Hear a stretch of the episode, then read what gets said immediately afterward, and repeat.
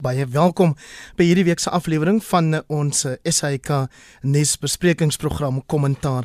In vanaand se program hoor jy die ontledings en die menings van die politieke kommentator professor Joansi van Wyk, sy's van Unisa Naand Joansi. Saam met vanaand die kenner in publieke leierskap professor Erwin Swela. Hallo Erwin. Goeienaand Heinrich en al die luisteraars. En dan 'n eerste deelnemer aan die program, die voormalige Weskaapse verkiesingshoof, eerwaarde Courtney Sampson. Ek hoop jy het gehoor hoe beklemtoon ek die eerwaarde Courtney. Goeienaand Heinrich. So kom ons begin dan met uh die eerste onderwerp en dit is die spesifiek die rede waarom ek vir jou genooi het uh Courtney. Ons hoor die afgelope ruk politieke partye wat vra dat die plaaslike verkiesing hierdie jaar uitgestel moet word weens COVID. Wat sou 'n grondige rede en 'n wetlike rede wees om enigsins 'n verkiesing uit te stel? Ja, net om duidelikheid te hê oor die feit dat ek praat nie uh vir die OFK nie. Uh maar net my persoonlike mening. Uh wat belangrik is is dat daar moet uh volgens ons grondwet moet daar 'n uh, verkiesing elke 5 jaar wees vir plaaslike regering en sover, sowel as vir nasionale provinsiale regering. Ons laaste plaaslike regeringsverkiesing was in 2016. Ek dink wat die 5 Augustus. So binne 90 dae van daardie uh, datum af in 2021 behoort daar verkiesing te wees, maar wat ook belangrik is om te 'n verkiesing dit moet 'n vrye en regverdige kan plaasvind. So soms is daar elemente, faktore wat bydra daartoe dat dit miskien uh uitdagend is om 'n vreemde verdig verkiesing te hê. 'n Mens kan soveel oorlog hê, 'n mens kan 'n groot brand hê, 'n mens kan 'n pandemie hê. Maar op hierdie stadium weet ons nie of daar enige sulke faktore wat ons het, miskien 'n spesmaas dat daar mag wees. Maar uh, volgens die grondwet moet hierdie verkiesings plaasvind en as daar enigiets is wat die verkiesings weerhou van voortgaan, dan is dit iets wat uh, teen die grondwet sal gaan en by by 'n hoër gesag uh, 'n uh, besluit gemaak moet word.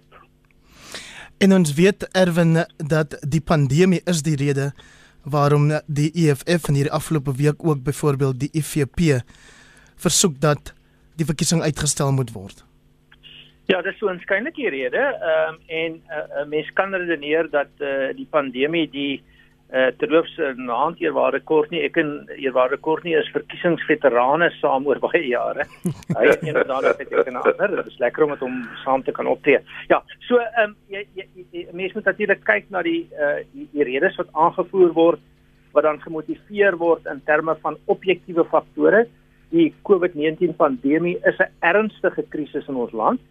Ehm um, wat vreemd opval is is dat eh uh, hierdie selfde partye eintlik uh soms uh, argumenteer dat daar 'n groter oopheid moet wees um, ten opsigte van ander aktiwiteite. So mense moet dan ook dink ek boonbehalwe die rede wat aangevoer word van kyk na die onderliggende politieke belange wat hier uitspeel.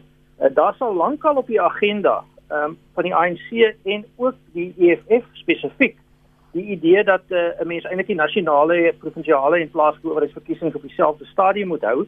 Dis nie soos dit aanvanklik in die grondwet bepaal is nie en uh, eerwaarde kort nie dit 100% reg uh, gestel. Daar sal 'n grondwetwysiging moet kom of daar sal op 'n of ander manier 'n uh, aanduiding moet wees dat hierdie soort 'n uh, force majeure 'n uh, groter mag is wat sê dat ons dit nie kon doen nie en dan gaan dit waarskynlik lei tot 'n geweldige klomp hofsaake en en en ehm um, betwisting daarvan. Nou die ander rede hoekom hierdie politieke partye dit graag wil skuif is vir, vir vir die rede dat as jy die plaaslike en nasionale verkiesings ehm um, met mekaar uh, verbind op dieselfde tyd, kan 'n mens 'n klomp van die nasionale kwessies ehm um, wat minder te maak het met dienslewering op plaaslike vlak. Uh, en ons weet hoe 'n groot krisis dit in Suid-Afrika is indra as 'n soort stel ideologiese argumente wat kiesers steun vir jou kan swaai. En dit mag beduidende voordele hê vir hierdie uh, partye om uiteindelik byvoorbeeld kom ons neem neem om daar is 'n voorbeeld dat as jy in die Wes-Kaap 'n plaaslike owerheidsverkiesing het, mag jy 'n soort uh, uitkoms kry wat gebaseer is op die Wes-Kaap se plaaslike owerheidsverkiesings vir provinsiale regerings vermoë om te regeer. As jy dit verbind met die nasionale verkiesing, mag jy eintlik daai hele politieke agenda ehm um, verander en ander kwessies op die op die grond uh, plaas en uiteindelik die verkiesingsuitslag beïnvloed. En ek dink dit is 'n groter oorweging by die politieke partye as die COVID-19 pandemie, maar wat ek wel gesê het, 'n groot krisis is wat gereken moet word. Ja, ansie beteken dit as ek so na Erwin luister dat ek hom reg hoor sê Suid-Afrikaners stem uiteindelik op grond van verkiesingskwessies wat hierdie verskillende partye in hulle veldtogte voorgehou word. Ehm um, goeienaand aan die mede paneellede. Ehm um, Heinrich, ek wil net gou uh, voor ons dit uh, bespreek.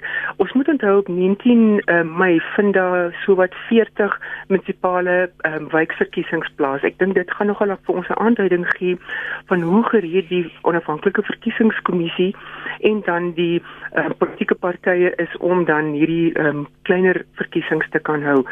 Ehm um, op jou vraag dan of die uh, Suid-Afrikaners op op op vraagstukke of op volgens ideologie stem. Ons het nou al soort van gesien oor die afgelope paar verkiesings dat daar is 'n groter ehm um, ideologiese of 'n partytetiese oorweging wat dan nou inkom wanneer daar gestem word. Vraagstukke ehm um, het baie min nog eintlik getel in ons um, verkiesings ook op plaaslike regeringsvlak blyk dit asof die steun vir politieke partye met ander woorde dan die ideologiese oriëntasie is dan van groter belang as noodwendig vraagstukke. As vraagstuk politiek dan aan die orde van die dag was dan sou ons al uh, ander um, politieke um, verkiesingsuitslae uitslae gesien het in die verlede. Ons weet daar's genoeg redes vir swak paaie, swak dienslewering en korrupsie as dit dan die geval was ehm um, waar volgens Suid-Afrikaners gestem het. Of sal stem, ekskuus. Daar in die stem van uh, professor Joansi van Wyk van Unisa wat vanaand ons kommentaarpaneel uitmaak saam met professor Erwin Sweland ook eerwaarde Courtney Sampson. Dan sê die DA wel uh, dat hulle wil hê die verkiesing moet asseblief voortgaan.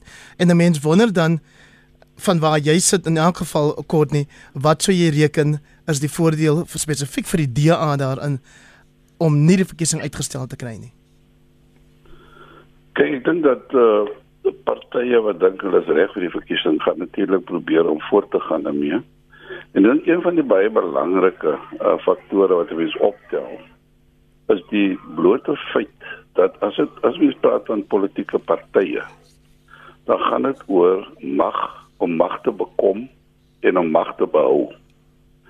En uh die enkelike rede hoekom hulle daar is om dienste lewer om die mense te dien raak soms net weg in hierdie magspel en wie uh in beheer is van watter munisipaliteit en wie in beheer is van watter provinsie en so voort. So hierdie hele uh, uh kwessie van om mag te bekom en om mag te behou is ehm uh, regtig 'n oorkoppelende ding in ons politieke lewe ehm um, in in Suid-Afrika vandag en reg oor die wêreld ook tot 'n groot mate. Uh maar in ons uh, geval moet ons tog seker maar seker maak dat ons besef ook dat as ons praat van die politiek, dan praat ons eintlik van 'n industrie. 'n tamelike groot industrie, daar's baie geld betrokke, daar's werk betrokke, mense se inkomste uh, word daardeur geaffekteer. Ehm uh, die uitstel van 'n verkiesing byvoorbeeld sal beteken die verlenging van plaaslike uh, uh raadslede en as miskien mense wat nou kan wag om hulle stemme te maak en te kyk of hulle sal kan inkom in rade. So dit is almal dingetjies wat ek dink ehm uh, beïnvloed invloed het op hoe politieke partye omgaan oor hierdie verkiesing al dan nie. Erwin, hoe vaar Suid-Afrika in die algemeen met die aanbied van verkiesings? Jy aansit nou gesê ons sal op 19 Mei sien met die tussenverkiesings hoe gereed is die verkiesingskommissie in hierdie ongekende omstandighede om 'n verkiesing te kan hou? Wel met die uitsondering hier en daar en daar was 'n uh, kleiner krisisse uh, onder andere met een van die vorige voorsitters van die OVK. Ehm um, maar ehm um, is ons onafhanklike verkiesingskomitee eintlik een van die uh, bevoegde staatsinstellings wat redelik goed slaag om hulle taak te verrig. Ons het nou reeds gesien dat die die pandemie, die ekonomiese krisisse en ook die geweldige hoeveelhede geld wat uh verdwyn het as gevolg van diefstal en korrupsie ook 'n impak, impak gehad het op die begrotings van die OVK. En daarom sal ons hierdie jaar byvoorbeeld net een geleentheid kry om om weer te uh, te registreer. Hmm. Ehm um, so uh, uh, uh, dit dit is eintlik 'n redelike goeie verhaal. Die OVK het goeie werk gedoen uh en en word hoog aangeslaan. Ehm um, en ons het dus die vermoë. Uh wat mense nou ook moet gaan na kyk net om terug te gaan na jou vorige vraag oor die DA is dat die DA waarskynlik 'n uh, stel verkiesingsagenda punte wil aan die orde stel op 'n plek waar hulle presteer.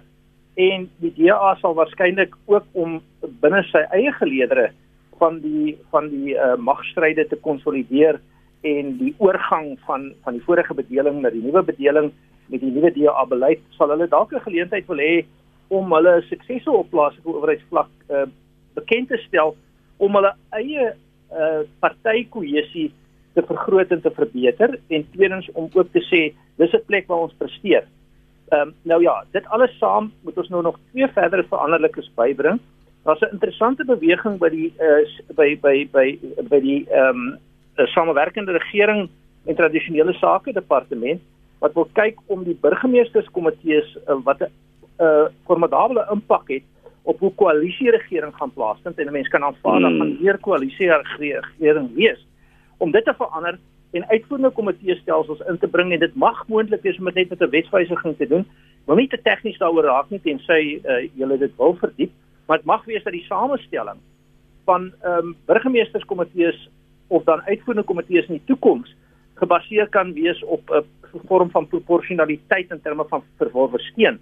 Die ander groot beweging het te maak met die distriksmodel wat eintlik nou van van sentrale uh, owerheidsvlak ingebring is om te kyk of daar nie 'n uh, 'n soort 'n uh, meer sentralisering word aangebied as desentralisering op 'n distriksbasis kan wees waar byvoorbeeld verteenwoordigers van die nasionale kabinet ook in die distrikte dien om uiteindelik plaaslike owerheidsdienslewering te te verbeter so word dit aangebied. So daar's 'n klomp dinamika hier aan die gang en uiteindelik dink ek dis belangrik dat ons die kiesers se mening hieroor kry en hoe gouer hoe beter. En as jy die sukses van 'n verkiesing meet jou aansê, kyk jy net na die organiseringsvermoë van die verkiesingskommissie of behoort die stem of die deelname van kiesers ook as 'n merker vir sukses beskou te word? Ja, Heinrich, mense is geneig om te sê dat die die deelname en dan nou die vermoë van die kommissie om by elke stembus dan nou teenwoordigheid hier is dit is wat jy inderdaad sê. Buiten dan die opkoms met ander woorde die aantal kiesers wat gaan stem wat stem dit is 'n onder andere aanduiding daarvan. Dan is 'n ander faktor wat die mense in ag kan neem is byvoorbeeld bedorwe stembriefies die wegbly ehm um, um, getal um, van kiesers is ook 'n aanduiding van hoe suksesvol al dan nie is. En natuurlik dan die periode voor die um, verkiesing met ander woorde hoe die kontestasie tussen politieke partye plaasvind is dit 'n gelyke speelveld waarin politieke partye deelneem? Is daar um, aan die gees van 'n verkiesing die vrye en regverdigheid daarvan is is dit um, kon bereik word? En dan tot hoe mate um, kon um, die die die vrye deelname aan hierdie gesprek en hierdie uh, verkiesings ehm um, ehm um, veldtogte dan van tot hoe mate het die staat homself uit hierdie uit hierdie ehm um, kontestasie dan nou gehou. En wat natuurlik nou met die met die ehm um, sien die inwerkingstreding van die befondsing ehm um, van politieke partye ehm um, die inwerkingstreding van daardie wetgewing gaan ons natuurlik nou ook 'n ander tipe politieke landskap binne. Nou wat nou vir my interessant is is dan nou hierdie verkiesing sou dan nou plaasvind later vanjaar is dan nou een van die eerstes of dan nou die eerste een wat dan nou volgens hierdie wet gaan plaasvind. En ek is seker dat politieke partye soos wat Eerwaarde Samson inderdaad gesê het, dit gaan vir oor mag. Nou ons weet dat ehm um, geld is deel van die moedersmelk van politiek dat politieke partye gaan dan nou vir die eerste keer toegang hê tot fondse wat hulle dan in staat kan stel om hulle self beter te posisioneer om by kiesers uit te kom et cetera. So ek dink dit sal aan die ander kant dan 'n groter motivering vir politieke partye wees die oomblik wanneer hulle dan um, toegang tot hierdie fondse kan kry. So ek dink dit is ook iets om in, in ag te neem. Um, ek dink dit kan dan ook 'n bepalende faktor word in die toekoms vir hoe ons dan die die politieke en en ehm um, verkiesingsuitslae gaan kan meet. Maar ons moet weet dat verkiesings is maar eintlik maar net een van die sogenaamde prosedurele aspekte van 'n demokrasie. En wat van groot belang is om 'n verkiesing se sukses dan te kan toets, is eintlik wat gaan in terme van die kwaliteit van die politieke proses wat dan tussen verkiesings plaasvind. En dit is eintlik die groot toets vir verkiesings is hoe regeer die wat dan verkies word om die burgers te verteenwoordig in die periode voor dit. En wat my betref is die die toets van 'n van 'n van 'n verkiesing is dan uiteindelik wat gebeur voor die tyd en en hoe oop is die politieke speelveld nie net vir politieke partye nie maar dan ook vir burgers om dan hulle uh, griewe of hulle tevredenheid te kan uitspreek en dan ook tot hoe mate is die regering dan ook verantwoordbaar Wil jy net sommer asseblief jou aansien vir ons aanhak hoe ons vergelyk met die res van Afrika? Jy het vroeër toe ons gepraat het oor van Hans se program verwys na Djibouti wat verkiesing nou hierdie week ons weet baie onlangs was daar ook verkiesing byvoorbeeld in uh, Uganda gewees. Ja, ehm um, ons onafhanklike verkiesingskommissie um, het by 'n paar um, Afrika lande al ehm um, um, hulp verleen in terme van die voorbereiding hiervan en die die verkiesingsbestuursliggame waarvan die dan nou een voorbeeld is blyk dan nou 'n sterker ehm um, bestuurder van verkiesings in Afrika ook te word. En hierdie verkiesings ehm um, bestuursliggame wat hulle genoem word, word dan al meer en meer deel van die demokratiseringsproses van Afrika state. So ons is baie gelukkig dat hierdie liggaam van ons ehm um, 'n goeie naam soos wat professor Shara gesê het as 'n onafhanklike instelling het. Ons weet dan in ander lande in Afrika waar dit miskien nie so demokratiese bestel is nie of waar die demokratiese e-, erosie al begin plaasvind het, het hierdie liggame eintlik nie die onafhanklikheid nie wat hulle behoort te kry nie. Ek weet daar was uh, in Zimbabwe was daar al klagtes rondom hulle verkiesingsbestuursliggaam. Daar was dan nou um, in die geval van die Djibouti ehm um, ehm um, um, verkiesing wat dit lyk my die ehm um, sittende president Gele het dit moontlik weer gewen soos wat die ehm um, jongste syfers dui. Ehm um, en nie elke land het hierdie verkiesings ehm um, bestuursliggame nie wat dit dan ook moeilik maak want waar is dan die onafhanklikheid? Die staat kan tog immers nie die die stem ehm um, um, wat kan mense noem fasiliteer nie en dan nog deelneem aan die verkiesing ook nie. So ek dink in in die res van Afrika is dit 'n probleem met met vrye en regverdige verkiesings, maar een van die maniere hoe dit oorkom word is dan byvoorbeeld AI en ehm um, um, SAOG en ander van die streeksorganisasies wat dan moniterings ehm um, komitees of missies dan ontplooi om dan te kyk dat hierdie verkiesings dan vry en regverdig verloop. Courtney, ek wil om hierdie deel van ons gesprek af te sluit jou mening hoor oor uh, Dr. Alan Boesak wat die ander dag vir my gesê het in 'n onderhoud vir Vrye Weekblad dat hy van hy ou het om die waarheid te sê in 94 uh laas gestem, maar hy neem wel aan die verkiesing deel, so hy kom daar in die stembusie en hy hy um, wel hy bring 'n bedorwe stem uit. Is dit is dit wel ek weet jy het seker die reg om dit te doen maar maar wat is jou wat is jou mening oor kiesers wat verkies om dit te doen wanneer hulle die dag gaan stem in aanhalingstekens Ek dink wat belangrik is uh, is dat daar is verskillende mense wat vir, vir verskillende redes ontevrede is oor ons politieke bestel. So daar's mense wat nou reg uh, opofferings gemaak het in die verlede en baie uh, gelei het onder die vorige regime en baie geveg het om ons te kry tot waar ons is. En daai groepering van mense is baie teleurgestel meer ehm um, oor waar ons onsself heidaglik bevind en voel net hulle kan nie uh, deelneem. Ehm um, in die verkiesing soos hulle graag sou wou deur te stem nie so maar hulle wil ook nie nie betrokke wees nie. Ek dink dis miskien 'n aanduiding in terme van waar Dr. Boesak is. dan is daar ook mense natuurlik wat net eh, 'n uh, politieke spel speel, jy weet, omdat hulle net 'n ander politieke party is. Ehm um, het hulle daardie soort van uh, ontevredenheid binne hulle. En ek dink daar's ook mense wat dit kan aanvaar dat die verandering reeds plaasgevind het en dat daar 'n regering is uh wat wil nou sê hier gaan ons nou die kant toe en hier gaan ons daai kant toe, hulle kan dit net nie aanvaar nie. En dan is dit ook natuurlik hierdie uh neoliberalisme waarmee ons sit heidaglik waar mense voel dat hulle individuele regte nie aangeraak word nie en niemand kan vir hulle voorsê nie. So ek dink daar's verskillende redes hoekom mense sukkel om deel te neem aan aan verkiesings.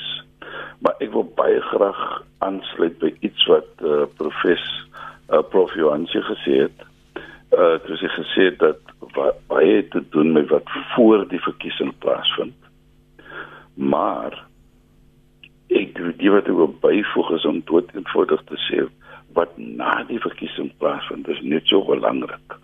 Uh, hoe hou ons die verkose lede aanspreeklik uh, vir hulle dade vir hulle optredes of wat hulle doen en wat hulle nie doen nie. En ek dink daai is een van die dinge waar ons baie uh, werk moet insit in Suid-Afrika uh in 'n politieke veld waarin ons beweeg heidaglik. Deel van daai politieke veld waarin ons beweeg heidaglik erwin is die naam Jacob Zuma en sy stryd of sy afvee van uh, die konstitusionele hof se bevel dat hy wel voor die sondekommissie na staatskaping moet verskyn. Jou reaksie op die aankondiging deur hoofregter Mogoeng Mogoeng dat die heer Zuma nou geleentheid gegee gaan word om vir die hof te sê wat hy reken die gepaste straf optrede sal wees vir die feit dat hy minagting van die hof gepleeg het. As jy my tog sal verskoon, ek wil net sê, jy weet in sommige lande is die verkiesingsprosesse so goed georganiseer en dis natuurlik nou 'n ironiese opmerking dat jy eintlik die uitslag 14 dae voor die tyd voor die tyd 14 dae voor die tyd Goed. Ehm um, terug na hierdie hierdie besondere aspek. Uh dis 'n moeilike een om om behoorlik in te skat want hier speel 'n klomp uh regsfilosofiese en regstegniese aspekte. Uh aan die een kant kan 'n mens 'n onmiddellike reaksie wees en daar word reaksies van uh van baie mense. Uh is dit nou 'n geleentheid waarop jy self kan kies hoe jy gestraf sal word? En as dit is, hoe werk dit dan in op ons almal se uh aansporing vir en aanspraak op gelykheid voor die reg. Uh die vraag is dan heel konkreet uh as ek nou op een of ander manier skuldig bevind sou word aan 'n aan 'n misdaad of 'n uh, of 'n oortreding, uh sal ek ook die geleentheid kry om te sê hoe ek dink die straftoemeting moet uh, moet gebeur. En dit val vreemd op. Uh, dis nie 'n gebruikelike situasie nie. Aan die ander kant, uh om 'n ander perspektief daarop te plaas, kan 'n mens dan ook redeneer miskien dat uh, dit 'n poging is tot tot substantiëre en prosedurele geregtigheid. Waar die konstitusionele hof sê wel meneer Zuma ondanks die feit dat u nou by verskeie geleenthede nie die geleentheid gebruik het om u kant van die saak te laat hoor in terme van een van die fundamentele uitgangspunte van die reg naamlik die sogenaamde audi alteram partem reël waar jy sê jy moet jou kant van die van die saak kan stel of die ander kant moet ook gehoor word kan 'n mens ook dan redeneer dat die dat die konstitusionele hof hier eintlik 'n bietjie regskepend optree. Daar is nie 'n presedent hiervoor nie. Daar's nie wetgewing daarvoor nie. Maar sê meneer Zuma, ons aanvaar nou dat u nou nog nie die geleentheid gehad het om u kant van die saak te stel nie. En u gaan ook nou nie versagtende omstandighede kan pleit nadat ons die skuldig bevind het nie. So op grond daarvan gee ons hier 'n geleentheid om tog vertoe terug om te sê maar ehm um, watter versagtende omstandighede byvoorbeeld ehm um, en hoekom uh en waarom u dink u nie gestraf word nie of watter straf aan u toegemeet moet word. So dit is 'n interessante debat. Dit is vreemd, dit is nie gewoon nie, maar uh, dit lyk my ook dat bitter min wat met betrekking tot meneer Zuma gebeur in ons lewe is is is gewoon. Daar's gewoonlik is nie gewoon. Johan sê uh, Francis Antoni van die Helen Suzman Stichting en ook professor Koos Malan die sê albei in rapport vandag hulle reken dat dit wel vreemd is maar nie noodwendig onvanpas dat die hof op hierdie manier uitreik na die, die voormalige president nie. Hy self, weet jy, het gesê toe die sondekommissie um, hulle voorlegging moes doen aan die konstitusionele hof dat hy nie gaan deelneem aan daai proses nie, maar hy het wel later 'n verklaring van 23 bladsye uitgereik. Nou sê die hof hierdie keer sal hy net in 15 op 15 bladsye lank sy stelling kan maak en hy kan tot Woensdag om dit te doen dis reg so en dan ehm um, Vrydag kan teen Vrydag kan ehm um, die ander die sondekommissie dan en die ander partye betrokke by die reg ehm um, geskil dan nou ook hulle kommentaar terug hê. Ja, dit is dit is regvernuwing wat plaasvind. Ehm um, ek is nie kundig in terme van die die regsbasis daarvan nie, maar ek dink die die filosofie daar agter is kom ons gee ons put alle moontlike kanale uit om dan um, vir president Zuma um, te akkommodeer. Nou goed, 'n mens van onmiddellik dink dat hy dan um, homself skuldig maak aan 'n buitengewone um, persoon voor die reg dat hy spesiale behandeling kry en dit alles dra eintlik nou by tot hierdie proses wat net al meer en meer uitgereg word. Ons het nou 9 jaar van staatskaping gehad hmm. voor dit al die korrupsie en nou weer hierdie en wat is dan die regspresident wat geskep word hier? En en dit sal 'n interessante ehm um, wat dan wees wanneer daar 'n volgende saak moet dien voor die ehm um, grondwetlike hof waar hierdie tipe ehm um, feite stel dan ter sprake kom. Wat wat 'n mens wel sien is dat president Zuma is besig om homself te posisioneer. Ons moet onthou dat hy was betrokke by die stigting ehm um, van die Sonderkommissie of dan ook die totstandkoming daarvan en dat hy in hierdie 23 28 bladsye sogenaamde notas wat hy dan ehm um, voorberei het of dan nou vir hom voorberei is waarin hy dan 'n klomp goed uiteensit. Onder andere dat die hof dan nou deur 11 regters ehm um, ehm um, bestuur word en dat hierdie 11 regters dan nou basies besluite neem oor 55 miljoen Suid-Afrikaners. En dit uh, is natuurlik nou 'n vegbare stelling, maar hy maak dan verdag in terme van die regstelsel. Nou hoe ver die grondwetlike hof nou vir Zuma gaan ruimte gee om te beweeg, um, is natuurlik nou die volgende toets want jy maak 'n deur oop wat jy dalk nie sal kan toemaak nie. En intussen um, is hy dan nou um, Jacob Zuma ook natuurlik nou ongelukkig oor die die koste hiervan dat die staat nou nie meer sy koste dra nie en ehm um, die die die vendetta wat hy dan teen sy eie party het wat dan ehm um, verdag maak kry ehm um, teen hom soort van aanvuur maar dit is dieselfde man wat dan vir baie lank basies 'n parallelle staat kon skep om homself van sogenaamde vyande te beskerm en dan nou homself as 'n slagoffer posisioneer. Nou goed, in die reg moet daar dan nou gehoor gegee word aan elke party se se se grief wat dan nou ook al dit is.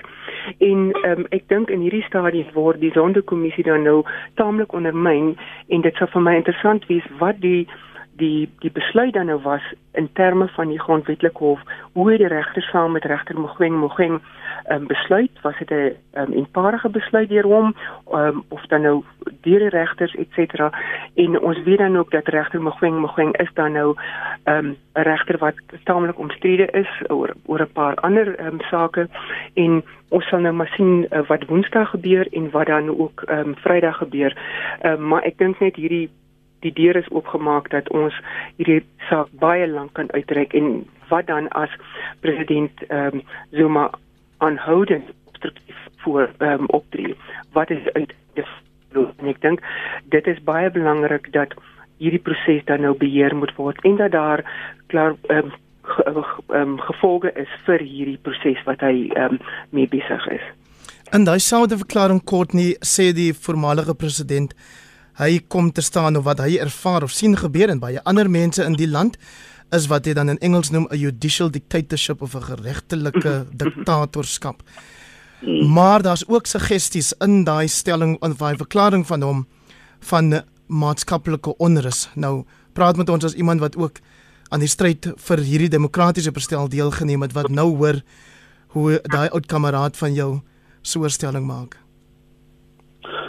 Dit is bevrydend vir my om politieke gesprek te hê buitekant die OFK. Nou ek buitekant die OFK is, bevrydend om aan politieke gesprek deel te neem. Maar ek wil net gesê dat ehm um, dit is natuurlik nie die eerste grondwetlike krisis waarvoor ons sit in terme van die ANC en die presidentskap nie.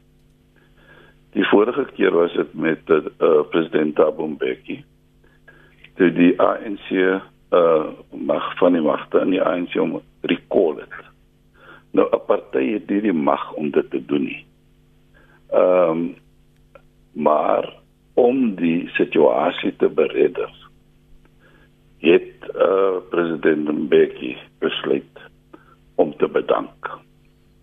En daai het eintlik 'n grondwetlike krisis vir my. Die ANC binne homself het daarom ten minste op daardie stadium ehm um, dit moontlik gemaak om daai grondwetlike krisis te vermy deur die manier hoe hulle omgegaan het met president Mbeki. So miskien gebeur dieselfde nou, ek weet nie, ek is nie so seker nie want die situasie is heel anders. Ehm um, hierdie hierdie een lyk 'n bietjie uh, meer skrikwekkend vir wat dit vir wat dit werd is. En ek dink dat ehm um, die uh, grondwetlike proses word nou uh binne in hierdie uh situasie 'n groot probleem. Ek het tog al gevoel dat miskien is dit nodig dat daar voortgegaan moet word met ehm um, met hofsaake en goed soos dit, jy weet. Ek weet nie of of of ek bepunt is waar ek sê miskien het die sondekommissie gen, genoeg gedoen om ons te bring tot waar ons heidaglik is. Het ons nodig om nou na die howe toe te gaan om hierdie goed uitgeklaar te te kry want anders gaan ons heeltyd speel polities en 'n politieke party soos die ANC en soos enige ander party gaan dink aan sy eie behoudenheid aan hoe uh, wat die skade gebring gaan word aan die party self voordat 'n party dink aan die skade wat aan die staat gedoen word. Wie die meeste te verloor hier Erwin Jacob Zuma of Suid-Afrika?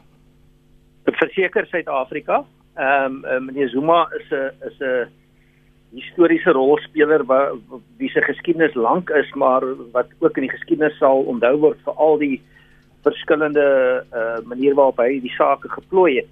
Ehm um, en en mense moet nou net onthou, kyk die die, die grondwetlike hof het nou ook 'n interessante skuif hier gemaak of dit nou 'n strategies taktiese skuif, dis 'n klomp wyse mense wat daar sit. Ek dink wat hulle ook sê is is dat as meneer Zuma, onthou al die verklaringe wat hy tot nou toe gemaak het, het eintlik die legitimiteit en die reg en, en, en die wettigheid van die hof bevraagteken. Ehm um, uh, as hulle hom nou kry om wel 'n uh, 'n uh, 'n uh, 'n deposisie te maak, uh, die die jy weet as uh, om daai verklaring te maak na die grondwetlike hof toe.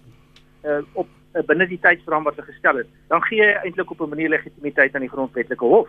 En dan kan hulle sê in die tweede instansie het ons jou al die geleenthede gegee, jy het dit nou gebruik en nou kan ons op 'n meer wettige en legitieme manier die die die saak uh uitwys en uh, ons hoef nie dan te verwag dat daar weer uh, vorm van ehm um, uh bedinging gaan wees of verdere hofsaake nie. So ek dink om jou vraag konkreet te antwoord, uh, in hierdie hele proses het Suid-Afrika en ons regstaat nog net verloor en miskien net 'n verwante punt. Die fundamentele filosofiese verskil hier is is dat waar lê soewereiniteit in die staat? Nee, Zuma, nou dat dit hom pas, uh, redeneer dat die soewereiniteit behoort eintlik te wees by die kiesers en die kiesers, dit wil sê die meerderheidsstemme, bepaal die regering en die regering moet dan soewerein kan optree. Nou ons het daai bedeling gehad in die vorige vorige parlement in die apartheidsparlement weliswaar met 'n minderheidsregering. Ehm um, uh, meneer Zuma redeneer dat die meerderheid moet regeer en dan is die aanname dus dat die dis 'n soort populistiese aanname dat al die ander kruiskontroles, al die ander dinge soos die uh die die die die staatsgesag wat verdeel word, moet onderhewig gestel word aan die wil van die mense. En dit is nie ons grondwet nie, dis nie ons grondwetlike bedeling nie en dis in elk geval 'n verkeerde interpretasie van goeie demokratiese praktyk in 'n moderne staat. Ons het nog mm, net minder as 5 minute oor se ek gaan elkeen van julle vra om 'n opmerking of 'n lees van 'n ander verwikkeling die afgelope week met ons te deel en dit is dat as Jacob Zuma sê jy het mos nou in elk geval klaar gesê my nalatenskap as president was 9 vermorste jare dan is daar nou 'n ander leier Musi Maimane voorheen die DA leier wat nou baie ongelukkig is omdat 'n ander voormalige DA leier gesê het hy was 'n eksperiment wat misluk het. Joansi? Ja, ehm um, ons weet dat politiek is 'n bloedsport en dat ehm um, leiers ehm um, soms moet dik velle hê, maar ons weet ook dat in ons land is is is ras um, en enige ver, verwysing na ras 'n baie sensitiewe en 'n ernstige saak. Nou as jy 'n parlementariër is of lid van die parlement dan het jy nou parlementêre privilegie. Andersins beskerm die grondwet nou ook elkeen van ons dan nou om om uh, vryheid van spraak te hê. Maar nou goed, Tony Leon het dan nou in sy boek het hierna verwys en ook in 'n onlangse um, um, nuusonderhoud en wat dit natuurlik nou ook ehm um, moeilik maak is die feit dat my money het bedank uit die party onder andere omdat hy sê dat hierdie kleurpolitiek en raspolitiek is nog steeds baie teenwoordig in die in die DA en dat dit een van die faktore is wat sy leierskap ehm um, um, onhoudbaar gemaak het en van die redes is waarom hy dan bedank het en dan nou ehm um, uiteindelik die ehm um, beweging One South Africa ehm um, gestig het. So dit is dit is 'n baie sensitiewe saak en 'n mens sou dink dat iemand soos Tony Leon wat soort van 'n uh, elder statesman as mens dit sou kan noem, miskien beskou word dat hy met groter omsigtigheid gegaan het, maar dit wys ook dat ons het taamlike um, afstand nog om te gaan voordat ons hierdie tipe uitsprake maak um, en wat my manie ook gesê het maar tot hoe mate um, weet ons dan nou ook dat was Tony Leon se leierskap dan nou so goed. So daar is ook so 'n tipe van 'n van 'n van 'n ethos of 'n esprit de corps wat wat leiers nie noodwendig so teen mekaar in die openbaar moet ehm um, uh, hulle meningslig nie en ek dink dit was totaal ongepas van uh, Tony Leon om hierdie uitspraak te maak um, in 'n tyd wat ons met hierdie um, vraagstukke um, in ons land sit. Courtney David Kamfer van Ikosa sê 'n swart of bruin leier binne die DA word net gesien of beskou om bruin en swart kiesers te lok andersins is hul posisie niks werd nie. Helen Zille was baie duidelik daaroor dat die bevordering van iemand soos Musi in die party was deel van die projek om swart leierskap te ontwikkel en te groei. So waarom sou Musi nou verbaas wees dat hy as 'n eksperiment uitgekry word? Ja, nee, ek weet ook nie. Ehm um, hy het geweet waarvoor hy homself inlaat op die stadium. En ek dink dit was 'n tyd toe die uh, die arbeid duidelik uh onder ehm um, die leier op daardie stadium uitgegaan het om swart uh, mense te kry wat besluit of hulle het besef hulle het 'n plafon bereik in terme van uh, uh stem uh mag die gevoel dat as hulle wil deurbraak maak en dan sal hy deurbraak moet wees na die na die swart gemeenskap toe ek dink hulle het doelbewus in daai rigting gegaan so die mense wat nou ingekom het op daardie stadium ehm um, en op daardie basis moes geweet het waarvoor hulle vir hulle self inlaat. Maar wat vir my interessant was is toe ek hierdie ehm um, artikels lees ek hierdie boek gelees het en ek twyfel of ek sal. Maar wat ek gelees het uh in die in die koerant of wat te berigte toe ek gaan jou ek gaan jou ongelukkig met vra om bietjie vinniger te gaan want ons het nou okay, ek gou vinnig net 'n minuut oor. Ek het nie geweet of Tony Leon naïef of arrogant is nie maar met sy ondervinding kan ek nie glo dat hy naïef was nie. So miskien het hy net gepraat omdat hy voel hy het die voorreg om dit te kan sê en die bevoordiging het hom het hom het hom gepootjie. 30 sekondes asseblief tog Erwin.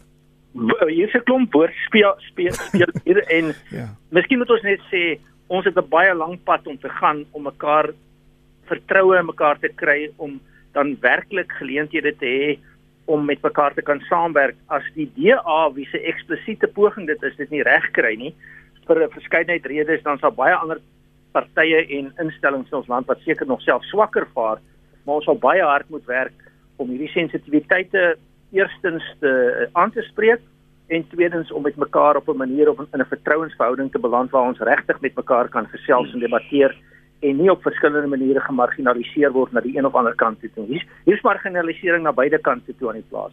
Baie dankie dat jy ons elke keer help om die landsaake beter te verstaan. Erwin Swela, baie dankie ook aan professor Joansi van Wyk en aan eerwaarde Courtney Sampson wat vanaand deelgeneem het aan kommentaar